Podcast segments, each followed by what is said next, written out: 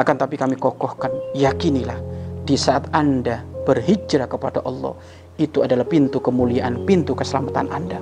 Mula-mula mungkin kayaknya agak susah, tapi kalau sudah dijalani itu kemuliaan, kemuliaan dan yakinilah Allah bersama Anda. Allah bersama orang yang hijrah. Rasulullah senang dengan orang yang hijrah. Para kekasih Allah mendukung orang-orang yang hijrah. Dari tempat yang jelek menuju tempat yang baik. Dari keadaan yang jelek menuju keadaan yang baik. Dari yang tadi toleh alias jelek menjadi soleh baik. Maka itu adalah orang-orang yang dicintai oleh Allah Subhanahu wa taala. Maka ayo sekarang kita hijrah kembali kepada Allah Subhanahu wa taala. Enggak usah nunggu sempurna. Enggak usah nunggu waktu yang pas.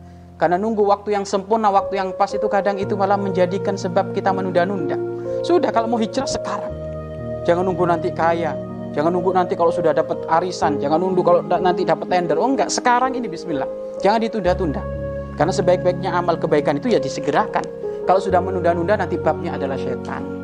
Karena setan, setan itu punya senjata mengajarkan kepada manusia nunda-nunda. Maka pastikan diri Anda, ayo hijrah. Hijrah hijrah kembali kepada Rasulullah kembali kepada Allah Subhanahu wa taala